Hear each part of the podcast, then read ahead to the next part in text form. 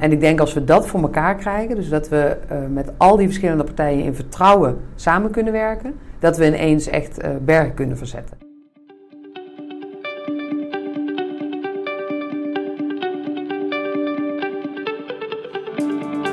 Welkom bij de Strategie van de Kreef podcast. De podcast over bouwen aan echte vernieuwing. Ik ben Dorien van der Heijden en ik ben vandaag bij Jannie van den Broek. Iemand die bouwt aan vernieuwing in de zorg. En wat, uh, wat ik vooral ook altijd heel spannend vind, dat zij dat helemaal doet vanuit waarde voor patiënten. En uh, dat is waar het, uh, haar drive zit. Maar Jannie, welkom. Fijn dat ik met jou in gesprek mag. Misschien voor de luisteraars. Vertel wat meer over jezelf. Ja, dankjewel. Leuk dat, dat ik in deze podcast zit. Heel leuk om wat meer te vertellen over wat ik doe. Um, nou, ik ben dus Jannie van der Broek. Ik werk nu een jaar als zelfstandige. Tot die tijd heb ik eigenlijk mijn hele carrière bij allerlei commerciële bedrijven in de gezondheidszorg gewerkt. En mijn laatste baan in loondienst was bij Amgen. Amgen is een groot biotechbedrijf, een farmaceut. En daar heb ik me, wat jij inderdaad al zei, bezig gehouden met patiëntwaarde. Eigenlijk met de vraag hoe kunnen we als biotech-fabrikant nog op een andere manier waarde toevoegen voor patiënten dan alleen maar met onze geneesmiddelen. Um, en daar is een uh, hele strategie uit ontstaan, de Value Strategy noemden we dat. Waarbij we um, allerlei innovaties ontwikkeld hebben die bijdragen aan waarde voor patiënten. Niet alleen maar rond ons product, maar in het hele zorgpad voor die patiënt. Oké, okay. en um, je, je, werkt nu voor jezelf en van waar die keus? Ja, dus ik merkte daar hoe urgent het eigenlijk is om dingen anders te gaan doen in de zorg. En um, dat er heel veel dingen gedaan worden um, die efficiënter kunnen of die we misschien helemaal niet meer moeten doen. Uh, maar dat het ook heel complex is om dat te veranderen. En vanuit die urgentie om daar dus echt aan bij te kunnen dragen, ben ik voor mezelf begonnen. En ik werk nu dus als adviseur in de zorg. Um, en dan soms ook wel aan het strategiestuk, maar vooral ook aan het implementeren van hoe krijg je nu werkelijk die vernieuwing ook aan de gang in de zorg. En wat moet je doen om partijen bij elkaar te brengen en echt de barrières weg te nemen en die innovatie echt uh, door te kunnen voeren. Oké, ik uh, ben ook wel erg getriggerd daar je zei van zijn bij Amgen vanuit patiëntwaarde gaan denken. Ja, ik ben van huis uit marketeer, dus ik denk dat is toch logisch dat je denkt in waarde. Wat maakte nou dat dat bij Amgen echt wel een omslag was? Um, nou, dat zijn eigenlijk verschillende dingen. Dus bij Amgen intern, maar ook extern in de zorg uh, zijn we gewoon niet zo gewend om te denken vanuit de patiënt. Um, en de ene patiënt is heel anders dan de andere patiënt. Um, je, je, hoort het wel eens in oncologiebehandeling. dat de ene patiënt zegt: Ik hoef al die behandelingen niet meer. als ik nog maar mijn laatste paar maanden in een goede kwaliteit van leven kan doorbrengen. Waar een ander zegt: Iedere extra week aan mijn leven is voor mij waardevol. Want ik heb nog hele jonge kinderen en ook al voel ik me dan ziek, dan kan ik langer bij die kinderen zijn. Dat zijn dus hele andere waarden voor die beide patiënten. Alleen um, in de zorg is men gewend om te behandelen. Dat hebben ze geleerd, om te behandelen uh, en alle mogelijkheden die er zijn voor te leggen. En helemaal niet zo goed te luisteren naar wat is nu werkelijk voor die patiënt van belang.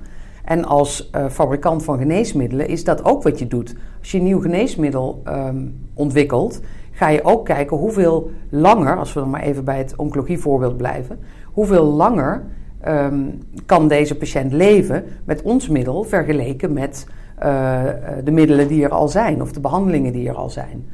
Um, dus je gaat eigenlijk één uitkomstmaat in dit voorbeeld, overall survival, die ga je als heilig beschouwen.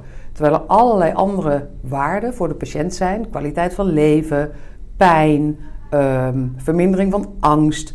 Natuurlijk ook overall survival of progressievrije overleving in dit voorbeeld. Maar ook andere waarden die voor hun belang, belangrijk kunnen zijn. Maar we zijn niet gewend, zowel in de zorg als vanuit dus waar ik werkte, een biotechfabrikant, om dat uh, leidend te maken in de dingen die je doet. Het vraagt denk ik ook een heel ander gesprek met elkaar. Want ja. het begint al om dan die waarden te begrijpen. Ja. En daar een gesprek over te voeren. Ja. Hoe hebben jullie dat gedaan?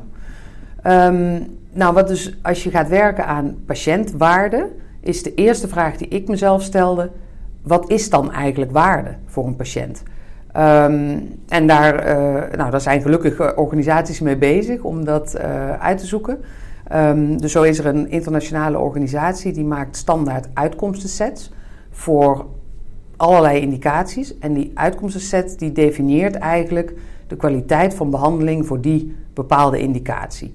Dus uh, daarmee kun je in ieder geval vaststellen, als je op deze dingen stuurt en je doet het daar goed op, dan heb je kwalitatief een um, goede behandeling. Maar dan heb je ook een beginpunt voor je gesprek met de patiënt. Want binnen die verschillende uh, uitkomstmaten zijn sommige voor de ene patiënt belangrijk en andere voor de andere patiënt. Um, dus nou ja, dat soort dingen leerden we gaandeweg. Uh, en dat was eigenlijk, wij leerden dat intern, maar je zag extern in het zorglandschap eenzelfde uh, ontwikkeling. Dat daar ook veel meer gekeken werd naar welke uitkomst is relevant voor de patiënt, hoe voer ik het goede gesprek daarover. Samen beslissen is daar op een gegeven moment um, een onderwerp uh, geworden waar mensen over spraken. Maar dit vraagt ook wel um, samenwerken door heel veel verschillende partijen in die zorgwereld, in die zorgketen of dat ecosysteem, net hoe we het noemen. Uh, want het gaat over ja, de grenzen heen van de farmaceut of de directe behandelaar. Um, hoe kijk jij daar tegenaan? Zit daar ook echt heel veel noodzaak om veel meer met elkaar in een systeem te gaan ja. samenwerken? Ja, dat, ik heb een heleboel dingen geleerd in die tijd dat ik, uh, dat ik bij Engine werkte. Uh, over hoe het wel moet en hoe het niet moet. Uh, wat ik ook vooral geleerd heb, is dat je het niet alleen kan doen. Dus je hebt inderdaad die partners nodig. Um, wij noemden dat destijds gaan werken in partnership. in plaats van gewoon in je eentje. Nu zou je dat uh, samenwerken in het ecosysteem noemen, uh, merk ik. Als ik uh, nu daar dingen over lees, heet het altijd samenwerken in het ecosysteem. Um, omdat er, het zijn ook hele complexe problemen, dus je kunt ze ook niet in je eentje oplossen. Je hebt al die partners daarvoor nodig. Um, en dat was voor ons wel een van de eerste hele ingewikkelde stappen. Want um, het belangrijkste aan samenwerken is, naast natuurlijk een gezamenlijk belang ook dat je elkaar vertrouwt. En vertrouwen is in de breedte in de zorg een, een ding, zeg maar. Maar vooral tussen zorgprofessionals of uh, zorgaanbieders en de farmaceutische industrie. Ja, dus je kwam namens de farmaceutische industrie met het verhaal: we moeten als partners of in het ecosysteem gaan samenwerken. We gaan niet uh, inzetten op, op zeg, traditioneel behandelen, maar praten over patiëntwaarde. En je was eigenlijk niet de logische partij met wie die behandelaar dat gesprek nou ging voeren nee. als farmaceut. Van. Dat klopt, ja. En, en hoe heb je dat toch, uh, wat was voor, jou, voor jullie belangrijk om toch die stap te kunnen zetten? Ja, wat we heel snel merkten is dat je duidelijk moet zijn over wat je um, intenties zijn en welk belang je hebt. Um, en daar ook gewoon een zakelijk gesprek over uh, moet voeren. Wij wilden graag een aantal laten we het voor de gemak oplossingen noemen. In, mm, hè, ja. We hadden producten en we wilden naar een aantal oplossingen of services, of net hoe je dat wilt noemen. Um, maar om die te kunnen ontwikkelen, hadden wij uh, het zorgveld nodig. We hadden een ziekenhuis nodig om een oplossing te kunnen ontwikkelen. Dus dat was ons belang. Ja. Uh, dat ziekenhuis wilde ook graag die oplossing, want wilde betere zorg uh, voor patiënten. En dat was hun belang. En dat was een prima gezamenlijk belang. Dus als je eh, helder bent over je intenties en je belang, dat, uh, dat werkt heel goed. Um, en daarnaast hadden wij ook uh, een aantal zaken ingericht waardoor helemaal, we, helemaal gelijkwaardig samenwerkten. Dus voor ons was een partnership cofinanciering, dus beide partijen betalen aan het project. Co-creatie, dus beide partijen werken ook echt in het project. En het eindproduct is van beide partijen. En ja, dat was um, tot die tijd uh, niet de manier waarop de farmaceutische industrie samenwerkte met het zorgveld. Nee, dat is toch meer dat traditionele bel, uh, beeld. De farmaceutische industrie moet betalen en het zorgveld die is een soort ontvanger. Uh, en nu zeggen ja. nu gaan we het echt samen doen. Samen ja. verantwoordelijk, ja. maar ook samen eigenaar. Ja, en dat was voor ons ook best wel spannend. Want um, ja, wij waren ook bang dat we bekeken zouden worden van... hoezo moet ik hier aan meebetalen? Want als ik naar een ander bedrijf ga, daar willen ze mij best sponsoren. En dan mag ik dat project gewoon gesponsord doen. En wat maakte dan dat er toch partijen daarop instappen? Want ergens weet je dan iets, iets voor elkaar te krijgen. Ja, dat, dat kwam 100% omdat wij precies wisten ehm, wat hun ehm, behoefte was. Dus wij zaten echt bovenop hun behoefte. In plaats van iets te komen vertellen over geneesmiddelen of over een behandeling of over, nou ja, weet ik veel, wat ze al wisten of waar ze geen behoefte aan hadden of wat ze op internet konden vinden, zaten wij precies op dat wat voor hun een probleem was. Bijvoorbeeld een overvolle um, poli, dus dat de wachtkamer helemaal vol zat en ze eigenlijk geen tijd hadden voor hun patiënt. Of uh, het goede gesprek wel willen voeren, maar niet goed weten waarover dan. Of naar de verzekeraar inzichtelijk willen maken dat zij kwalitatief goede zorg leveren, maar dat niet goed inzichtelijk kunnen krijgen omdat ze niet de juiste dingen meten. Daar zaten zij mee. En daar raakten wij met ze over in gesprek en konden wij ze kennis, expertise, um, de hulp, mankracht en dat soort dingen bieden. Dus het begon ook heel erg met de waarde definiëren van je partners. Waar, hè, je hebt een gezamenlijk belang, maar daarnaast heeft, heeft iedere partner ook eigen waardes of eigen belangen ja. En behoeften. En, en, en, en, daar breder naar kijken. En hoe kunnen we dat uh, bij elkaar brengen? Ja. Um, super interessant. En je zei in het begin ook, en daar werd ik ook door getriggerd van... Um, ja, de zorg en vernieuwen in de zorg, dat, daar moet echt veel gebeuren. Kun je daar wat meer over vertellen? Waarom zit daar zo jouw passie en jouw drive om te vernieuwen in de zorg? Ja, wat je uh, natuurlijk nu uh, sinds corona overal hoort, is dat die zorg zo onder druk staat. Um, maar dat is niet iets wat toen pas ontstaan is. Dat is een uh, probleem wat eigenlijk uit iets heel anders voortkomt. En dat is hoe onze bevolkingsopbouw is. En we hebben natuurlijk te kampen met een enorme vergrijzing. Maar daaraan samenhangend een ontgroening. Dat hoor je mensen eigenlijk nooit zeggen. Maar de ontgroening is dat er dus in de, in de um, populatie die werkt, dat zijn er nog maar heel erg weinig. Ja. Of in ieder geval veel te weinig om die hele grote vergrijsde populatie um, ook van zorg te kunnen voorzien. Ja, ten meer dus, dat de, de, de, ouderen ook de grote zorgconsumenten zijn in verhouding ten opzichte ja, van de jongeren. klopt. En er zijn dus eigenlijk best weinig mensen die het werk met elkaar uh, voor elkaar kunnen krijgen. Dus daarom zie je um, dat er eigenlijk te weinig leerkrachten zijn. Er zijn eigenlijk te weinig mensen in, het, uh, in de zorg. Um, de, op alle uh, vlakken kampen beroepsgroepen met tekorten. dus dat is natuurlijk een heel groot probleem, de vergrijzing. Daarnaast zijn er steeds meer ziektes die chronisch worden. Wat hartstikke fijn is, dat je niet meer aan alles overlijdt. Maar daardoor blijven natuurlijk al die mensen ook langer leven. En dan heb je ook nog eens steeds meer behandelmogelijkheden. Dus daar worden de kosten eigenlijk ook door opgedreven. Um, en dat allemaal bij elkaar is eigenlijk al best wel een, ja, een gevaarlijke combinatie. Maar daar zit in de zorg een probleem onder. Wat maakt dat het echt onhoudbaar wordt. En dat is dat we in de zorg betalen voor verrichtingen, dus uh, behandelingen of ja. uh, in ieder geval dingen die je doet met een patiënt, uh, in plaats van voor de uitkomst van die verrichting. Dus als je um, betaalt voor verrichtingen, dan krijg je heel veel verrichtingen. Precies. En als je dat omdraait naar betalen voor resultaat, dan zou je sommige verrichtingen misschien helemaal niet hoeven te doen. Of je gaat andere verrichtingen doen, of als je maar het juiste resultaat behaalt. Ja. Maar dat betekent ook dat je moet kunnen definiëren wat dan het juiste resultaat is. Hè? Dat vraagt, hè? Want een verrichting kun je makkelijk definiëren. Maar wat is een resultaat wat je moet definiëren? En dan kom je dan weer, neem ik aan, bij die patiëntwaarde. Ja, klopt. Dan ben je dus weer terug bij waar het eigenlijk allemaal zou moeten beginnen. Um, de waarde voor de patiënt.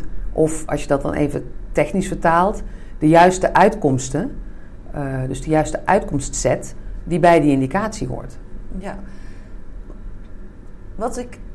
Hè, want iedereen, denk ik, alle luisteraars, die weten wel iets van de zorg. Omdat je gewoon ergens altijd wel consument bent of uh, misschien uh, in je, wel heel intensief.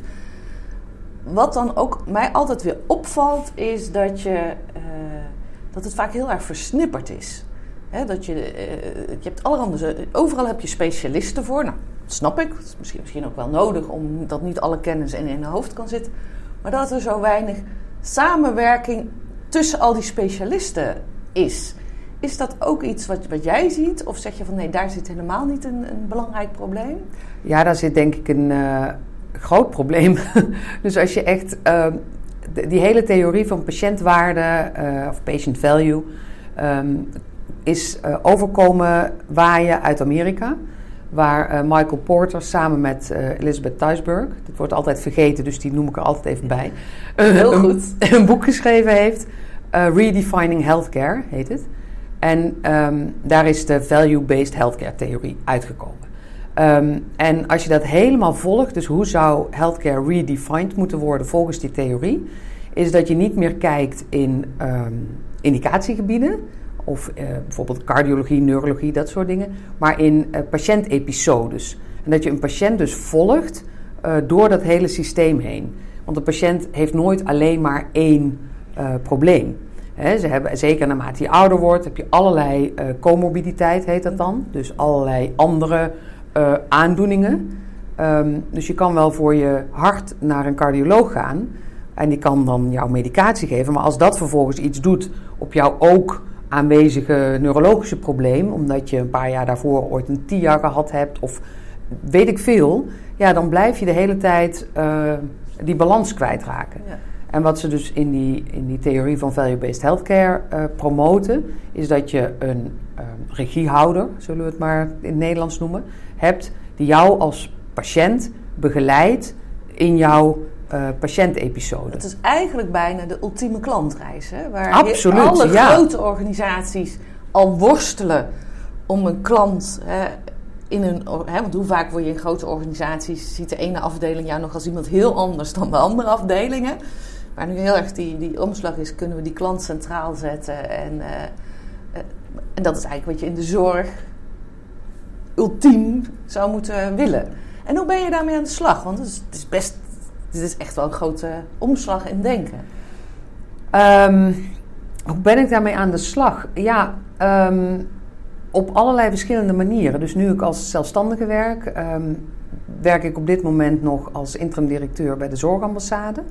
En dat is een stichting die dus bezig is met het weghalen van barrières voor innovatie. En wat je merkt, wat dan heel goed werkt, is als je alle verschillende uh, partijen bij elkaar zet. In, um, nou ja, in een kamer, het hoeft niet zo fysiek, maar als iedereen bij elkaar is, um, dan ben je heel snel voorbij het punt, wat natuurlijk heel vaak gebeurt, om te wijzen naar de ander.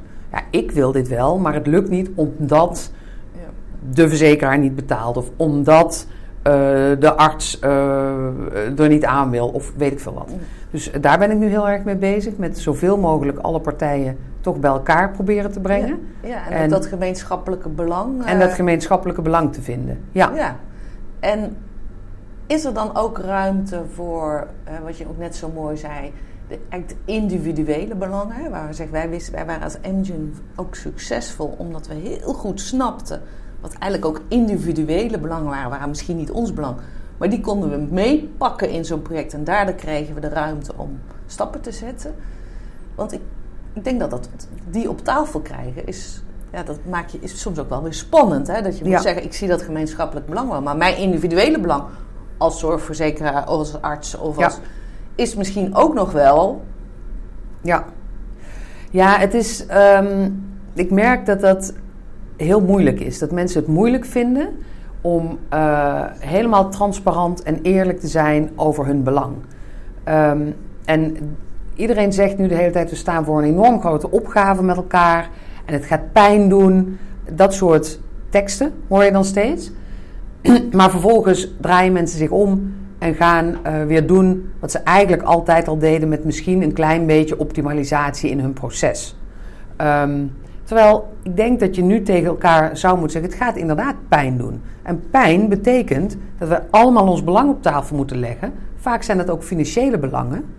En dat we daar met elkaar een vorm in moeten zien te vinden. Want ja, het zal pijn gaan doen. Dat geld is er gewoon niet. Dus als het het belang van het ziekenhuis is om productie te maken. Want ze worden immers betaald op verrichtingen. Dus zoveel mogelijk verrichtingen levert zoveel mogelijk geld op.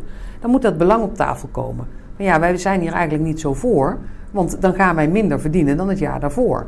Of als um, het belang van een verzekeraar is om uh, zo goedkoop mogelijk in te kopen bij dat ziekenhuis, dan moet dat belang ook op tafel komen. Want als er nog ergens een verborgen belangetje zit, ja, dan uiteindelijk krijg je die innovatie ook niet voor elkaar. Nee, en dat betekent dus eigenlijk dat je ook die ongemakkelijke belangen, hè? want ja. ik kan me voorstellen als je in de zorg werkt, dat het ja, misschien soms bijna not dom is om te zeggen, ja, maar ik heb gewoon een financieel belang bij die verrichtingen. Terwijl dat natuurlijk zo is, want zo zit ons systeem nu in elkaar. Ja. Kun je wel zeggen dat het niet zo zou moeten zijn. Maar ja, we hebben het ook wel zo ingericht nu. Ja, precies. En dan kun je het beter maar inderdaad op tafel en bespreekbaar maken. En dan met elkaar open en transparant besluiten om daar, hoe daarmee om te gaan. En dat ook gewoon eerlijk dan weer te verdelen. Hè? Dus dat niet de een alle pijn heeft en de ander uh, uh, al het plezier van de samenwerking. Maar dat je dat ook eerlijk verdeelt. Ja. ja. En uh, je zei bij de zorgambassade, worden daar ook dat soort, hè, want er zitten partijen eigenlijk uit de hele keten aan de tafel, worden dat soort partijgesprekken ook gevoerd of hoe doen jullie dat daar? Ja, daar wordt echt gekeken naar wat weerhoudt nu een bepaalde innovatie ervan om groot opgeschaald te worden. Uh, en dan zie je dat dat eigenlijk vaak op drie dingen zit. Dat zit vaak op de financiële prikkels, dus dat is waar we het net over hadden. Uh, maar ook op het belang. Heeft iedereen hier wel hetzelfde belang? En werken we dus gezamenlijk aan hetzelfde. En de governance. En dat gaat eigenlijk meer over het eigenaarschap. dus um, wie heeft er bij dit probleem nu eigenlijk... Wie is de eigenaar? als je even teruggaat naar die patiënt... Uh, die de ene keer bij de cardioloog zit, de andere keer bij de neuroloog... de andere keer uh, bij de hematoloog of zijn huisarts... Wie is nu eigenlijk degene die zich verantwoordelijk voelt voor die patiënt? Behalve de goedbedoelende schoondochter, noem ik haar dan altijd maar. Um, wie is degene die zegt: deze patiënt en de uitkomst van deze patiënt, dat is mijn verantwoordelijkheid? En wordt daar ook in geaccepteerd? Ja, ja want, dat vaak ook. wordt natuurlijk gezegd: ja, de huisarts is toch een beetje de ultieme coördinator. Maar wordt dan in, in dat, die kracht van al die specialisten niet eens altijd geaccepteerd als van: goh, maar ik zie dit en dit en dit bij elkaar komen. Hier moet als je het als huisarts natuurlijk moet leuren met je patiënt, ja. dat helpt ook niet. Ja. Nee, dus dat. Um, wat ik ook wel heel veel heb zien gebeuren, naast een heleboel hele goede dingen. En er zijn ook echt wel veel dingen veranderd ten opzichte van acht jaar geleden, toen ik hier uh, eigenlijk voor het eerst me overboog over dit probleem. Maar ik heb ook heel veel mensen toch een klein beetje uh, de motivatie zien verliezen. Dus uh, enthousiastelingen die um, met ontzettend veel vuur aan hele mooie innovatieve projecten begonnen zijn. Die nu langzaamaan toch allemaal aanlopen tegen, nou ja, waar we het net over hebben, maar ook bureaucratie, uh, het, trage tempo van de dingen, het, niet kunnen vinden van het gemeenschappelijk belang. Allemaal dat soort dingen. En langzaamaan op het punt staan om de handdoek in de ring te gooien. En dat is natuurlijk echt ontzettend zonde. Ja, ja dat is. Uh en dit doet me ook wel denken, en het is natuurlijk van een andere orde, maar wat ik ook wel in, uh, vaak bij hele grote corporates zie, waar fantastische innovatieteams worden opgetuigd. En zolang die een beetje in die projectachtige sfeer blijven, is het heel makkelijk om je energie hoog te houden. Maar dan krijg je die omslag naar zeg maar, het echte leven. Dan moet het die grote organisatie in ja, dan, dan word je weer geconfronteerd van, ja, zijn die belangen dan wel gelijk? Uh, je komt eigenlijk binnen met iets waar misschien niemand op zat te wachten. En dat hoort je eigenlijk ook een beetje zeggen. En dan is het heel lastig om, uh, om door te zetten. Ja. En de vraag is of dat het ook altijd dezelfde personen moeten zijn. Ja. Die misschien heel erg aan die voorkant succesvol kan zijn. Ja. En ook dat, dat onzekere aandurven van, nou, we gaan gewoon lekker uh, even alles op zijn kop zetten. Versus, ja, nou moeten we degelijk gaan inslijpen in dan gaat het over nieuw gedrag en ja, heel andere gesprekken met elkaar voeren. Ja, ja het is niet alleen um, dat je extern dingen verandert. Hè? Dus je, je maakt meestal een product of een service voor de externe uh, wereld. Maar intern als organisatie uh, moet er ook heel erg veel veranderen. En um, je moet ook bewust zijn dat mensen inderdaad andere rollen hebben. Uh, maar dat de bestaande rollen, dus de bestaande organisatie die je hebt, dat die ook super belangrijk is om gewoon je dagdagelijkse business draaiende te houden. En dat iedereen, waar die ook werkt in zo'n organisatie, even belangrijk is. Ja. Um, en dat wordt ook nog wel eens um, verkeerd gezien. Dus de mensen die met innovatie bezig zijn, dat is allemaal hip en belangrijk. En die worden overal op een podium getrokken, want we hebben weer iets nieuws en er moet weer over gepraat worden. Terwijl de mensen die gewoon dagdagelijks de tent draaiende houden, misschien wel even heroïs bezig zijn als die mensen die met Ja. innovatie bezig zijn. Maar dat vinden we vaak dan gewoon en normaal, waardoor die mensen zich weer een beetje ehm, achtergesteld voelen van hallo. En eh, eigenlijk alleen maar last hebben van die hippe innovaties, hè? Want eh, die ja. komen de boel een beetje verstoren. Ja. Ja. dat vind ik altijd die mooie eh, eh, plantage regenwoud, hè? Dat regenwoud waar alles door elkaar mag en waar het ook een beetje houtje touwtje mag zijn. En die plantage waar je gewoon Ja. moet buffelen volgens structuren, protocollen Ja. en Ja. efficiency. En, eh, ja, en als je daar dit, zeg maar, bij elkaar wil brengen, dan wordt het natuurlijk heel erg spannend. ja, En wat jij ook mooi zegt, dat begint natuurlijk wel om het allebei belangrijk te vinden. ja, En uit te spreken, we hebben beide nodig. Ja. Maar het is beide wel wat anders. ja. Ja, en misschien dat je daarom ook wel ziet dat de grote disruptie en de grote innovatie niet van de gevestigde partijen komt. Je ziet dat toch vaak eh, een start-up ineens iets heel dis- disruptiefs gaat doen. Eh, je ziet niet zo heel erg vaak een grote corporate Ja. ineens met een enorme disruptie komen. Eh, Maar dat is best wel een, een, vind ik, een moeilijke constatering als je staat voor een zorg die echt anders moet worden gezien onze vergrijzing, ontgroening en wat jij in het begin vertelde. Ja, Dan kunnen we het niet alleen hebben van start-ups. We Nee. hebben een heel grote gevestigde structuur. Ja, precies. Dus daar zijn natuurlijk ook eh, weer allerlei mogelijkheden voor. Dat je eh, als een grote gevestigde partij zegt: eh, wij gaan dit in een aparte BV eh, behandelen als een start-up. ehm, en het op die manier helemaal zijn eigen ding laten doen. Hè, dan kun je nog een beetje loskomen van die corporate structuur. Dus er zijn wel oplossingen voor. Maar ehm, nee, ik zal eh, niet zeggen dat ik eh, niet soms een beetje moedeloos word van hoe moeten we nou deze grote opgave met z'n allen aan gaan pakken. En waar haal je dan toch steeds weer die energie vandaan om te zeggen van ja, je, hebt, je kiest echt voor vernieuwen in de zorg. Ja, nou omdat ik hoop, kijk, we wonen in een enorm ontwikkeld land. eh, en, en ook met een ontzettend mooi gezondheidszorgsysteem, hè, waar je ongeacht je achtergrond, je inkomen, je opleiding, dat maakt helemaal niet uit. Iedereen krijgt hier dezelfde zorg. Ehm, en dat is echt mijn drive, dat die zorg betaalbaar, toegankelijk en van hoge kwaliteit kan blijven. En het kan niet zo zijn dat wij in zo'n ontwikkeld land wonen, waar we straks op een punt zijn waar prachtige innovaties, eh, misschien farmaceutische innovaties of andersoortige eh, ontwikkelingen, niet meer bij die patiënt kunnen komen, omdat we het hele systeem opgeblazen hebben. Nee. Dus Maar dit vraagt ook echt wel, eh, we hebben het bij Verdienen wel eens over dat eerlijke gesprek, hè, waar je ook het belang, maar ook de pijn van, waar zit nu de pijn of het ongemak van blijven doen wat je doet. En, Ja. en waar je naartoe wil, dat we dat eigenlijk bijna op een soort maatschappijniveau over de zorg Ja. moeten voeren. Ja, maar het is ook niet alleen de zorg waar we nu natuurlijk Nee. voor een enorme uitdaging staan. Hè? De energietransitie. Er zijn al een aantal ehm, problemen ehm, die veel groter zijn dan alleen maar dat kleine gebiedje zorg. ehm, waar we met de hele maatschappij dus eigenlijk voor staan op dit moment. Ja. En voordat we te somber worden, want jij bent helemaal geen somber type. Heb je nog een mooi, zeg je van hé, hey, daar zie ik wel mooie dingen gebeuren waar we echt wel zien dat, dat, dat, dat er stappen worden gezet. Hè? Het hoeft niet meteen Heel groot alles ja. opnieuw. Zeker, ja, ja, ja, zeker. Want ik denk dat een van de belangrijke dingen nu in de zorg is dat je visionair leiderschap eh, moet hebben.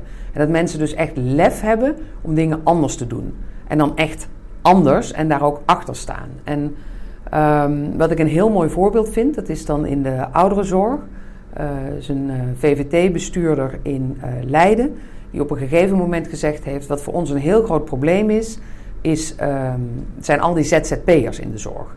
Dus personeel wat niet in loondienst is. En die pakken de, de diensten eruit die voor hun goed uitkomen.